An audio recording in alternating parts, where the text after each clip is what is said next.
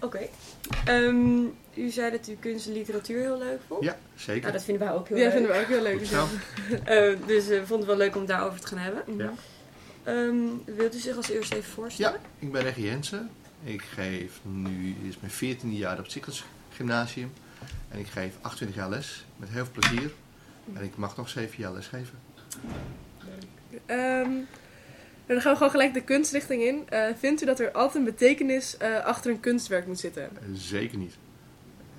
De reden voor denk ik dat als er al een reden is, ehm, bij reden zit je meteen op logos. Terwijl ik denk dat je veel meer op pathos moet gaan zitten, op Mm. het gevoel Ja. van wat doet iets met je. In plaats van het analyseren van een kunstwerk heb ik iets van, geniet er nou maar van.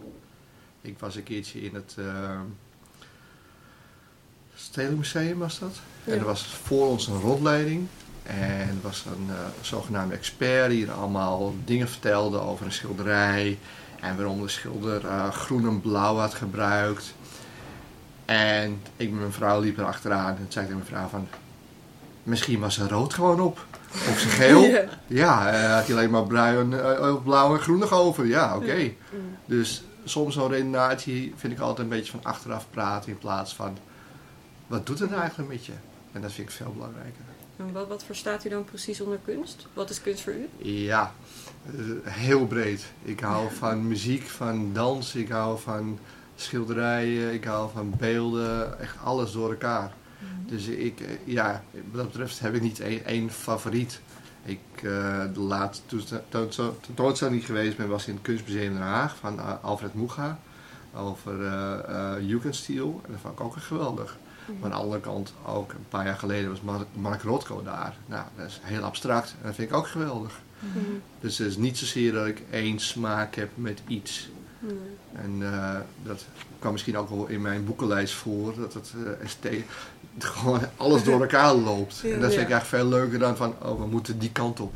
Dus eh, zodra het Ja. eigenlijk iets met je doet, dan is het kunst eigenlijk. Voor mij wel. En het kan echt alles zijn. Ik vind het zo grappig dat u dat zei, want we hadden het tijdens de kunstles hadden we het er ook over. Dat we een beetje zo hadden van, oké, wat doen jullie eigenlijk? Want heel veel doen eigenlijk een beredenering nadat ze het kunstwerk hebben gemaakt. Ja. Maar de andere helft had het weer totaal andersom. Dus dat is best wel Ja. grappig dat we het er echt met z'n allen over hebben gehad. Van oké, maar hoe gaan we hier een stukje over schrijven? Want Ja. ik doe het zelf ook maar uiteindelijk maar achteraf. Ik doe gewoon ook wat goed voelt. Maar de andere Ja. helft deed het dan weer andersom. Vind ik wel Ja. grappig dat u dat En zei. Lulu? Wat? Hoe doe jij dat dan? Hoe voel jij dat? Ja, ja ik, heb, ik heb zelf geen kunst. Maar als je Maar je nou... bent wel vaak creatief bezig wel. Ja. Want als je kijkt hoe jij je boeken hebt gekaft bijvoorbeeld, ben je altijd wel lekker met dat soort dingen bezig. ja, ik ben altijd mijn schriften, ben ik tekeningen aan het maken. Wat, Ja. wat iets te maken heeft met het vak. En dat plak ik dan op mijn schriften. Ja. Dus ja. Dit is ook gewoon een beetje creatief bezig zijn eigenlijk ook bij onze podcast. En zo. Ja. Zeker. Ja, dit is ook heel Ja, ja, precies. Ja, we proberen elke keer hele interessante onderwerpen te zoeken waar we het dan over gaan hebben dat wel eh, interessant is en wat Ja. ook wel wat meer diepgang heeft. Mooi. Mhm. Heeft u een eh, favoriete kunststroming? Ehm, ik denk wel abstract expressionisme. Mhm. Zoals Rothko en Pollock. Mhm. En dat is het grappige dat ik had gisteren een discussie met eh, twee jongens uit vier klas. Die zeggen ja, maar dat is dus geen kunst. Ik zeg ja, dat begrijp ik wel. Dit zijn ook dingen die je denk ik moet ervaren door de jaren heen. Dat je op een gegeven moment ziet van, oh, dat doet iets met me. En dat, Ja. dat had ik met Pollock toen ik eh, zeg maar tot 2, 23, iets van, ja, spikkels op een doek, leuk, ja. Tot ik in New York was en zo, wauw, Ja. jeetje, ik, ik, het, het doet iets met me. En dat is niet het begrijpen van waarom iemand het doet, maar gewoon het, het, het, het doet iets met me. Ja. En hetzelfde met eh Rothko, want ik heb zo'n klein poosje hangen, maar zijn, zijn schilderijen zijn bijna zo groot als dit raam. Mhm. En als je daar dan voor staat, dan is dat een hele andere ervaring dan in een plaatje, een boek zien, oh dit is een kunstwerk van Rothko. Ja. En dat vind ik juist heel erg mooi. Ja, Ik had afgelopen vrijdag, eh, want ik was met mijn moeder was ik naar Parijs gegaan eh, voor één dagje. En toen wilde ik heel graag naar Musée d'Orsay gaan eh, en naar de L'Orangerie. Want ik had eigenlijk niet zoveel zin in het Louvre. Want ik dacht, ja, maar dan heb je met de salon. En eigenlijk dacht ik, dacht, ja, maar dit is allemaal soort van gemaakt. Want het moet per se een bepaalde regels zijn. En Ja. dat iets minder met de impressionisten en zo. En toen stond ik bij de L'Orangerie. Ik weet niet of je, dat, of je dat kent. Maar met, dan, met die om je heen. Dat ik echt, ik werd zo emotioneel. Ja. Dat ik echt dacht dat er gewoon mensen, er zaten mensen daarvoor een boek te lezen en gewoon te niks. Dat ik echt dacht, hoe kan je hiervoor staan en niet emotioneel worden en niet zo van je traan inhouden en gewoon een boekje staan lezen. Dat ik echt dacht, wat absurd Ja. gewoon. Ja, maar dat is, dat is weer die analytische geest. Dat mensen daar zijn en die gaan dan kijken naar het schilderij Ja. in plaats van ervaren hoe de schilderij Ja. is. En hetzelfde als ik naar een film ga of een tv-serie of een boek ga lezen. Ik wil er eigenlijk van tevoren niets over weten. Als er eigenlijk iets over weet, dan heb je al een bepaalde invulling. En ik wil iets van, nee, ik wil het eigenlijk gewoon als een eh tabula rasa ervaren en daarmee verder gaan. En ik hoef het daarna ook niet te analyseren vaak. Ik heb zoiets van, oké, dat vond ik geweldig of niet. En dan is het zo. En wat heeft een kunstwerk of een boek dan nodig om u te kunnen raken? Vervreemding. En wat bedoelt u daar precies mee? Dat je, dat is eigenlijk hetzelfde. Dat je dus niet goed weet wat je ermee moet. en ik, ik probeer eigenlijk mijn lessen ook zo in te richten. Eh, gisteren ook. ehm, ik wilde dan bij de tweede klas eh, een, een ghost story introduceren. Nou, dan had ik een, eh, een, een foto op het bord gezet voordat ze binnenkwamen van een vrouw met een joker. En die kinderen kwamen allemaal binnen en die gaan allemaal kijken van waarom staat die foto op het bord? En dat wil ik eigenlijk. En pas als ik dan iets verteld heb erover, en dan vertel ik niet eens over waar het over gaat, maar dan begin ik een, een ghost story te vertellen over die foto. En dan later begrijpen ze, oh die foto had daarmee te maken. Ja. Als je alles van tevoren gaat uitkouwen, worden mensen lui. En ik heb zoiets van, ik wil zelf steeds verrast blijven. Dus ik wil ook dat de leerlingen ver- verrast blijven. Ja. En hetzelfde geldt voor boeken. Eh, een van de boeken die ik geweldig vind is, is Jay van Jac- eh, Jacobson. En toen ik het boek las, had ik iets van, ik snap er helemaal niks van. Maar ik vind het wel geweldig. Mhm. En dat probeer ik eigenlijk gewoon in mijn, ja, in mijn hele leven te doen. Gewoon verbazing en verwondering.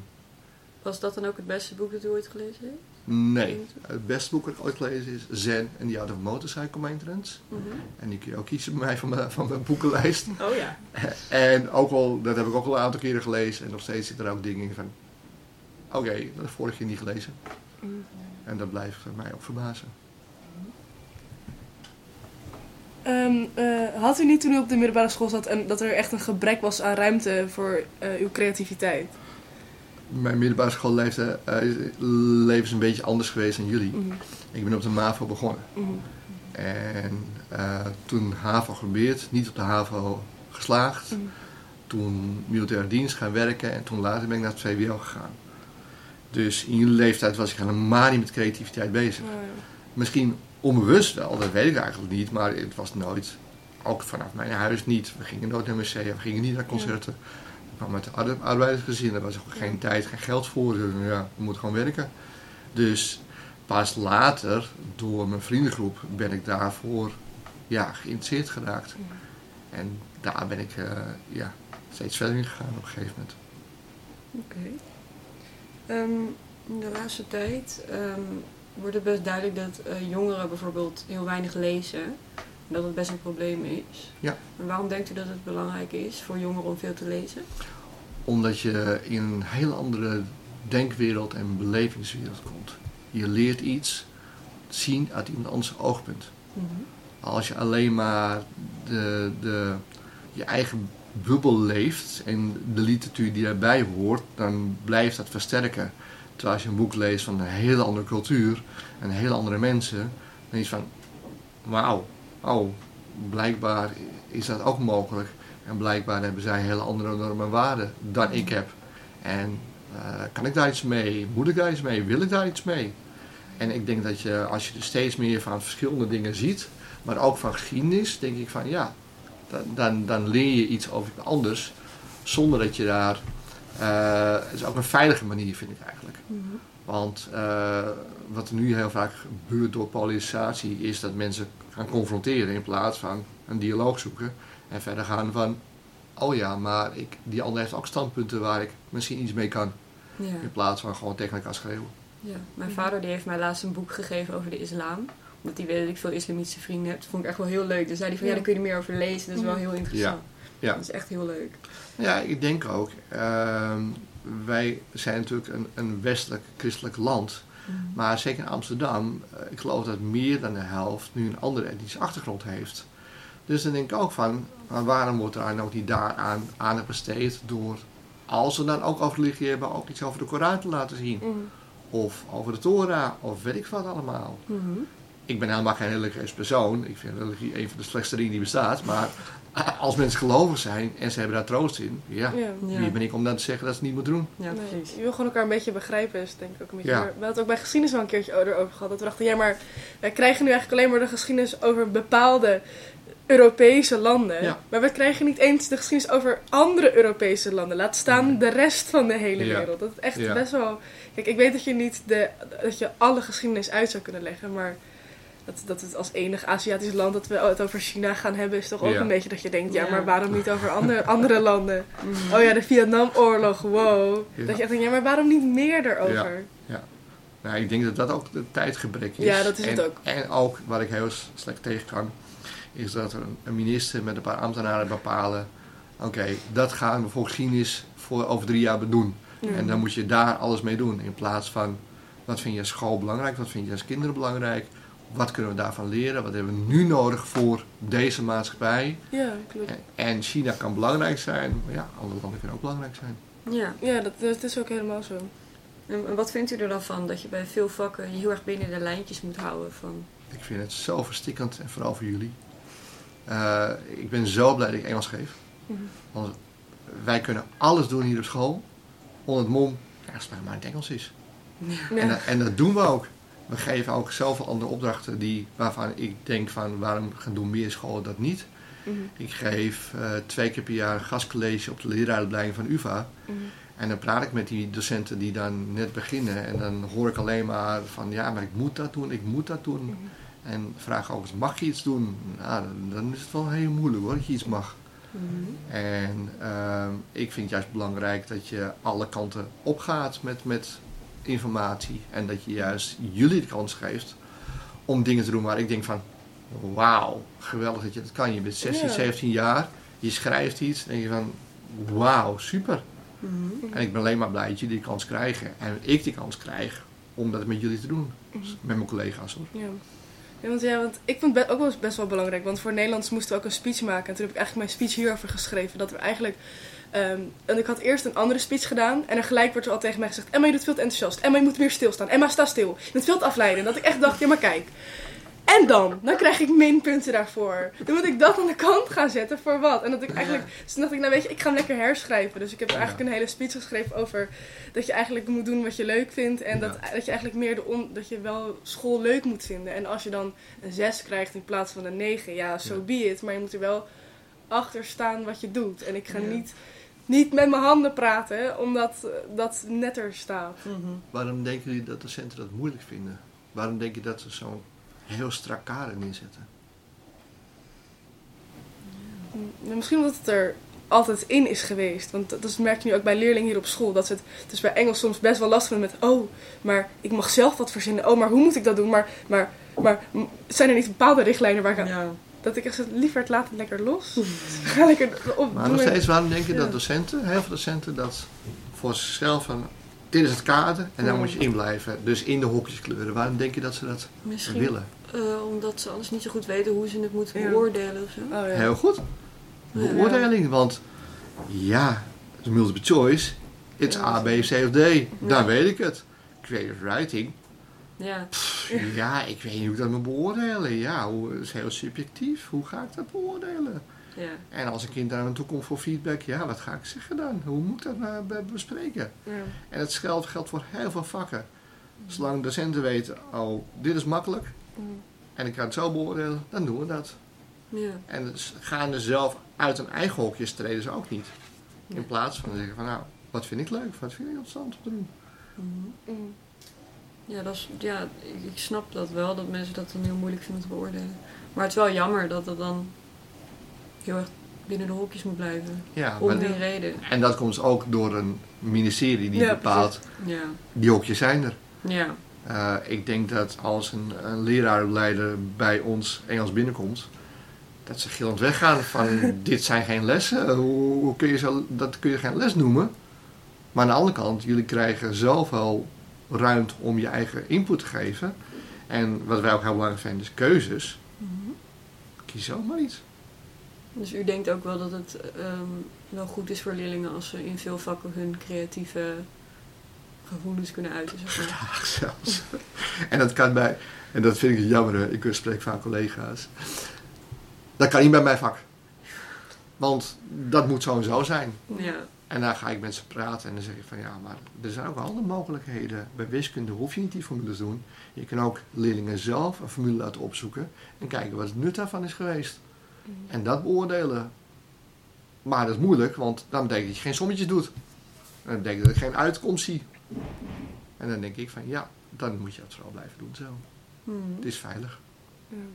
Ja, dat dacht ik ook met... Ik heb dan wiskunde C en dan ze het heel erg over perspectief tekenen en zo. We hebben er eigenlijk iets van vier opdrachten over gehad. En dat waren gewoon lijntjes trekken. Dat ik ook dacht, oh...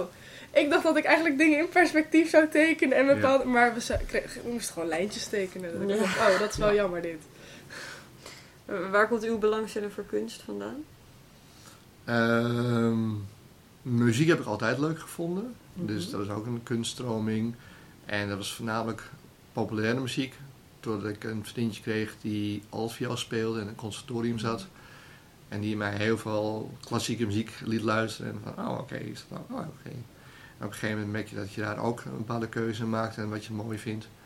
En eh, ik ging al heel vroeg altijd naar de film. En op een gegeven moment ga je ook daar andere interesses in opwekken. Mhm. En zoals ik zei, door mijn vriendengroep, die eh, ook allemaal gestudeerd hebben, ga je met elkaar naar de film, en dan ga je met elkaar naar concerten. En dan merk je van, oh, dat is ook wel mooi. Want naar welke muziekstroming luistert u dan nu heel erg? Ik hou nog steeds erg van popmuziek. Mhm. Ik vind het geweldig om met jullie te praten over wat jullie leuk vinden, want dat ik er ook naar luister. Ik Oh, ja. weet nog wel, een paar jaar geleden eh, had een uh, eerste klas meisje een shirt van Billie Eilish aan. Mhm. Ja. Ik zei, heel leuk shirt. En ze keek me eens aan van, weet je wat Billie Eilish is? Ja. En ik zou mijn telefoon, ja, kijk maar. Oh, oh, oh. En dat is wel grappig. Want ja, dat betreft is het heel leuk, vind ik, om met kinderen, pubers om te gaan, halfvolwassenen. Omdat je dan denkt van, oké, die stroom is er ook. En ik vind het gewoon heel leuk om nieuwe muziek te ontdekken. Mm. Mhm. Dus, maar ook klassieke muziek. Ehm, heb ik ook zoiets van, ja, mijn vrouw en ik gaan naar concerten. En eh, dat kan van alles zijn. Eh, ik ben heel erg gek van cello. Dus eh, zaterdag waren we naar de kick-off van de Cello Biennale. En ik heb als vriend van de Cello Biennale hadden we voorrang op kaartjes. Nou, ik heb meteen heel veel kaartjes gekocht. En het is pas in oktober. Maar ik heb wel al veel kaartjes allemaal. Ja. Mhm. En denk ik van ja, maar dat vind ik geweldig om te luisteren. Ja, ik, ik vind de laatste tijd rock and roll heel leuk. Ik weet niet waarom. Mijn vader die, eh, eh, die heeft allemaal van die afspeellijsten met allemaal muziek die dan totaal niet de muziek is die nu in is, maar een beetje oudere Ja, muziek. ja. En dan luister, luister ik dat en dan vind ik eens van die nummers en denk, dat vind ik echt heel leuk. Ja. Waar ik eigenlijk zelf helemaal niet op zou zijn gekomen. Dus dat is echt heel leuk. Ik luister ook echt van alles en nog wat. Het gaat Ja. echt zeg maar van dan rap, maar dan luister ik echt hele erg klassieke muziek dan weer. Ja. Dan luister ik ook weer gewoon wat er nu helemaal in is. Dan ook weer One Direction, maar Ja. dan heb je ook weer gewoon... Dus het is echt, het Ja. gaat van alle kanten op en zo. Ja, dat is zo leuk. Ja, wij zijn dan naar een concert geweest. eh, Ja, dinsdag. Ja, eh, Five Seconds of Summer. Oké. Een boyband. Nou, ze, ze vonden het zichzelf vonden ze niet geen boyband. een boyband, toch? Want een vriend van mij, die is ook geweest. Mhm. Mhm. Dus eh, het is niet zeer dat... Dat vind ik juist wel leuk. Dat juist door de... Ik denk dat het sinds jaren nul is. Dat er veel meer eh, verschillende groepen naar verschillende concerten gaan. In plaats van, Ja. oh, eh, daar gaan die heen, daar gaan die heen. Nee, Ik liep wel langs de, de AFAS eh, laatst en ik zag alleen maar jonge meisjes zitten. En denk van, oké, dat was een van die jongens van The One Direction die dan, ik weet niet Oh wie ja, Louis. Tomlinson. Ja, Ja, ja, dus ik dacht van- net al later. Oh, oké, dan begrijp ik dat. Ja. Ja. Ja, maar ik vond dat bij... Ik was naar eh, vrijdag met mijn moeder in Parijs. Toen was ik naar Einaudi, de componist van Intouchable. En dat ik echt naar het publiek keek, dat ik echt dacht, oh, er zitten allemaal verschillende mensen. Ja. Ook mensen die zich echt in gala kleding kwamen, maar ook gewoon mensen die in een spijkerbroek kwamen. Gewoon Ja. jongeren, maar ook gewoon jongvolwa eh, jongvolwassenen, gewoon Ja. oudere mensen. Dat ik echt dacht, oh, wat fijn dit, dat er gewoon Ja. allemaal verschillende mensen gewoon naar ditzelfde toe komen. Ja. Ja, dat zie je wel als ehm, ik naar een concertgebouw ga. Dan zijn de meeste mensen van mijn leeftijd of ouder. Mm. En dan een paar jongeren, maar er zit toch een grijs publiek. Mm. Ga ik naar het Nederlands Danstheater, dan is het juist weer heel gemeleerd. En dan zijn er heel veel jongere mensen en ook oudere mensen. En naar cello, eh, de biennale, is het ook weer heel gemeleerd. En dat heeft wel te maken met interesses natuurlijk. Ja. ja. Nou ja, 25 Summer was ook wel een beetje een gillende keukenmeidenconcert is. Ja, er viel toch op een gegeven moment ook iemand flauw volgens mij. Ja. Midden in het publiek. ja, dat ze met z'n allen gingen ze scheiden met zo. zaklampen hier. Er ligt iemand. Ja. Hey, was wel grappig. Ik doe elk jaar die Kahoot met uh. En een paar jaar geleden had ik allemaal DJ's. En heel veel zo, wie zijn dat? Daar luisteren helemaal niet naar. Uh, dus die luisteren veel meer naar de oudere muziek van hun ouders. En dat vond ik ook wel leuk om te Ja. horen juist weer. Mhm. Zoals jij ook vertelt, ja, van mijn vader krijgt die invloed. Ja. Nee, ik had van mijn oma heel erg. Dat echt als ik dan bij mijn oma ging logeren, ging we, nadat we een film gingen kijken, ging ze dan de muziek opzetten. Ging ze bij elk nummer zeggen, Emma, ken je dit? Emma, waarom ken je dit niet? Wat heb jij een slechte muzikale oefening, eh, oefening gehad? En dan ging ze helemaal uitleggen wie dat dan waren en waarom ik dat per se moest kennen. Ja, Ja. dat is leuk. En heeft u nog eh, vragen voor ons? Uh, Maakt niet uit waarover. Maakt niet uit waarover. Ja, vrijheid hè. Willen jullie hier uh, iets, uh, een beroep van maken? Hebben jullie iets van, het is gewoon leuk, een beetje spelerij? Nu is het een hobby. Nou, nu is het gewoon voor de leuk. Maar stel, Ja, als we Het de zou- kans krijgen, ja, dan, dan pakken we die denk ik dan wel. wordt het een bijbaan. Nou ja, waarom niet je hoofdbaan? Ik bedoel, er zijn mensen die van kunnen leven. Ja. Maar we moeten ook nog naar school nu. Ja, dat is waar. Ja, maar, eh, kijk, jullie zitten in de vijfde klas. Ik heb geen eh, illusie dat je niet je examen gaat halen. Dus ik denk je juist daarmee kan zeggen van... hé, laten we juist iets proberen. Ja. En als je gaat kijken van... oké, wij vinden dit leuk en het slaat ook aan. Mhm. eh, misschien kun je ook sponsors krijgen. Ja, precies. En eh, zo kun je verder gaan. Want als je sponsor hebt, kun je dus weer andere dingen... kun je andere mensen gaan interviewen. Mhm. En eh, ik had laatst een tv-serie gezien op, ik geloof dat het Amazon Plus was, Only Murders in the Building. En er waren drie mensen die altijd naar een eh, bepaalde podcast luisteren van een vrouw die over moordzaken praat en onopgelost. En op een gegeven moment kwam er dus ook een moordzaak in hun gebouw. En dan gingen ze met z'n drieën, omdat ze alle drie naar die podcast luisteren, die moordpringen op te lossen. Mhm. En ik denk van ja, dat is toch wel leuk dat je dus door podcast ook mensen bij elkaar kan brengen. Ja. Mhm. En eh, in plaats van, oké, nou, het is leuk dat je het even gedaan hebt, eh, doei. Ja. ja, wij proberen vooral gewoon ehm, heel erg duidelijk te maken waar onze generatie mee bezig is. Ja. Over mensen die juist niet tot onze generatie behoren, dat ze dat, eh, ja, Ja. dat ze daar een beetje achter komen. En wat houd je dan bezig? Ja, van alles. Een lange tijd was het corona. Ja, dat, Ja. Is, ja, la- la- ja, dat klopt. Maar we willen ook nog een aflevering maken over mentale gezondheid. En we hebben het vorig jaar over prestatiedruk gehad. Ja, Ik weet niet of jullie geluisterd heeft. En eh, nog niet, want ik heb, ik wees pas van jullie podcast door ik die poster zag hangen. Mhm. Mhm. En die hebben er ook in de personeelskamer opgehangen, zodat meer Ja. mensen misschien, eh, Ja. eh, en daardoor kan ik, oh ja, nu kan ik er naartoe gaan. Ja. Dus dan, eh, ik wil zeker gaan luisteren. ja, die met meneer Boeken was heel leuk. Ging Ja. over prestatiedruk. Maar deze niet. Eh? Jawel. Ja, helaas wel. Dus eh, ja, dat, dat soort dingen hebben we het dan over. Gewoon, Ja. ja. Nou, maar ik vind het leuk dat je verschillende thema's doet. Maar ook, ik denk ook dat je door dit gesprekken zelf dingen gaat denken van, oké, wat vind ik er eigenlijk van? Ja, dat Mhm. klopt. Ja. En zeker over prestatiedruk. Ik denk van, jeetje, jullie moeten zoveel. En Ja. ik, ik, ik zou ook graag veel meer willen dat jullie veel dingen mogen in plaats van moeten.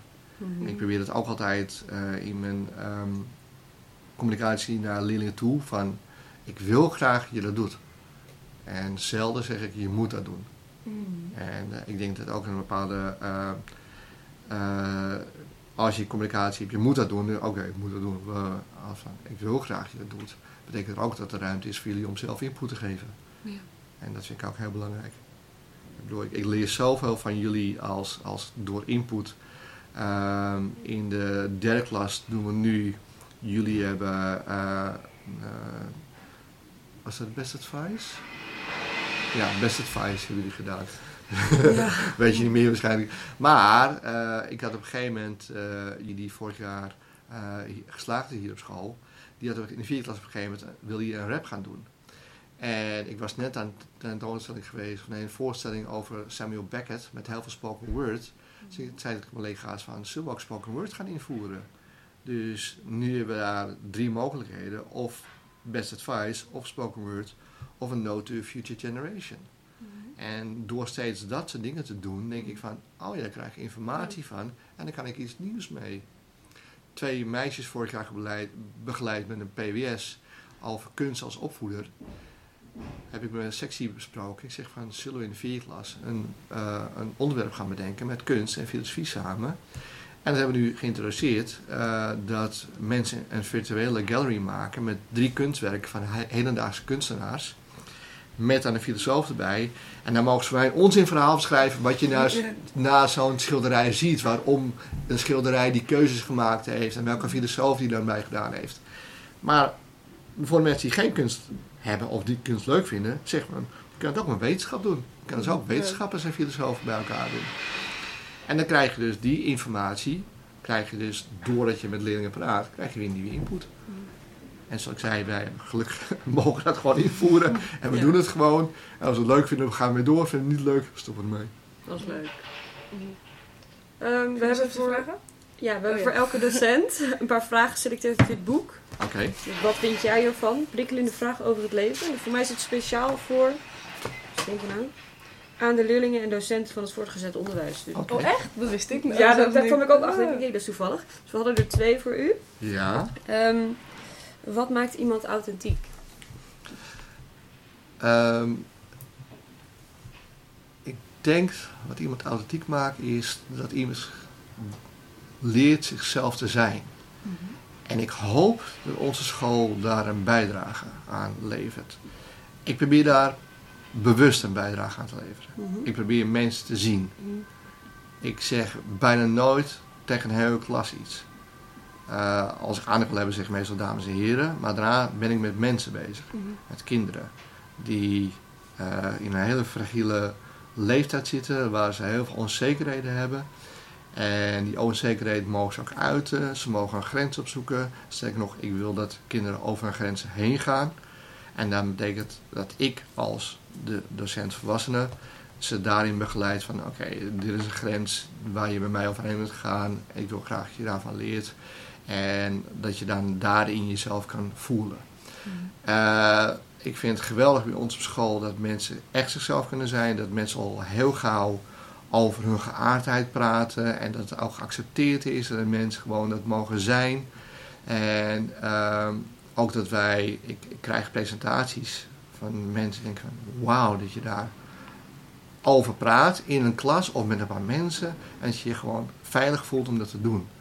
En uh, ik denk dat dat een onderdeel van die authentiek zijn is. En uh, hetzelfde geldt voor mij. Ik wil mezelf kunnen zijn voor de klas. Ik wil zelf kunnen zijn buiten de klas. En als dat lukt, dan denk ik ook dat ik me veilig voel om andere mensen die veiligheid ook te garanderen. En ik vind het geweldig hoe mensen hier op school rondlopen. Gewoon uh, mensen die in de winter met slippers lopen. En uh, bepaalde mensen die wat kledingstijl hebben. Waar ik zeg van dat hoort echt, echt, echt, bij jou. En dan denk ik van super. Ja, ja ik vind, ben blij dat je dat doet. Mm -hmm. Ja, sluit jij maar af, want mijn hele keel Nog een vraag? Ja, we hebben er nog eentje. Dat is, uh, waarom is het uh, zo belangrijk om authentiek te zijn? Omdat je anders in de grijze massa opgaat. en uh, er is veel grijze massa. Er zijn... Um, John Stuart Mill heeft gezegd van... Je hebt excentriekelingen nodig om een maatschappij uit hun grijze massa te trekken en ze een hele andere kant op sturen. En eerst zijn die excentriekelingen van wauw, dat kan helemaal niet, dat mag helemaal niet. En op een gegeven moment zijn er meer mensen die dat ook willen. En op een gegeven moment is dat de norm. Mm -hmm. En dan heb je weer een andere excentriekeling nodig die een hele andere kant op gaat. Of nog verder gaat. En ik kan bijvoorbeeld geven, uh, in de jaren 60 was David Bowie van mensen van, wat is dat? Is het een man, een vrouw? Hij heeft twee verschillende ogen, hij zingt hele rare dingen. Mm -hmm. En mensen iets van, oké. Okay. En op een gegeven moment was David Bowie van, oké, okay, geweldig. En toen kwam Marilyn Manson. En mensen, Manson, ja, een freak is dat. Eh, dat is geen muziek, dat is herrie. En op een gegeven moment is dat ook weer geaccepteerd. En zo ga je steeds verder als maatschappij naar iets zoeken. En zo ga je naar voren, denk ik. Dus die authenticiteit, authenticiteit is heel belangrijk om te zeggen van...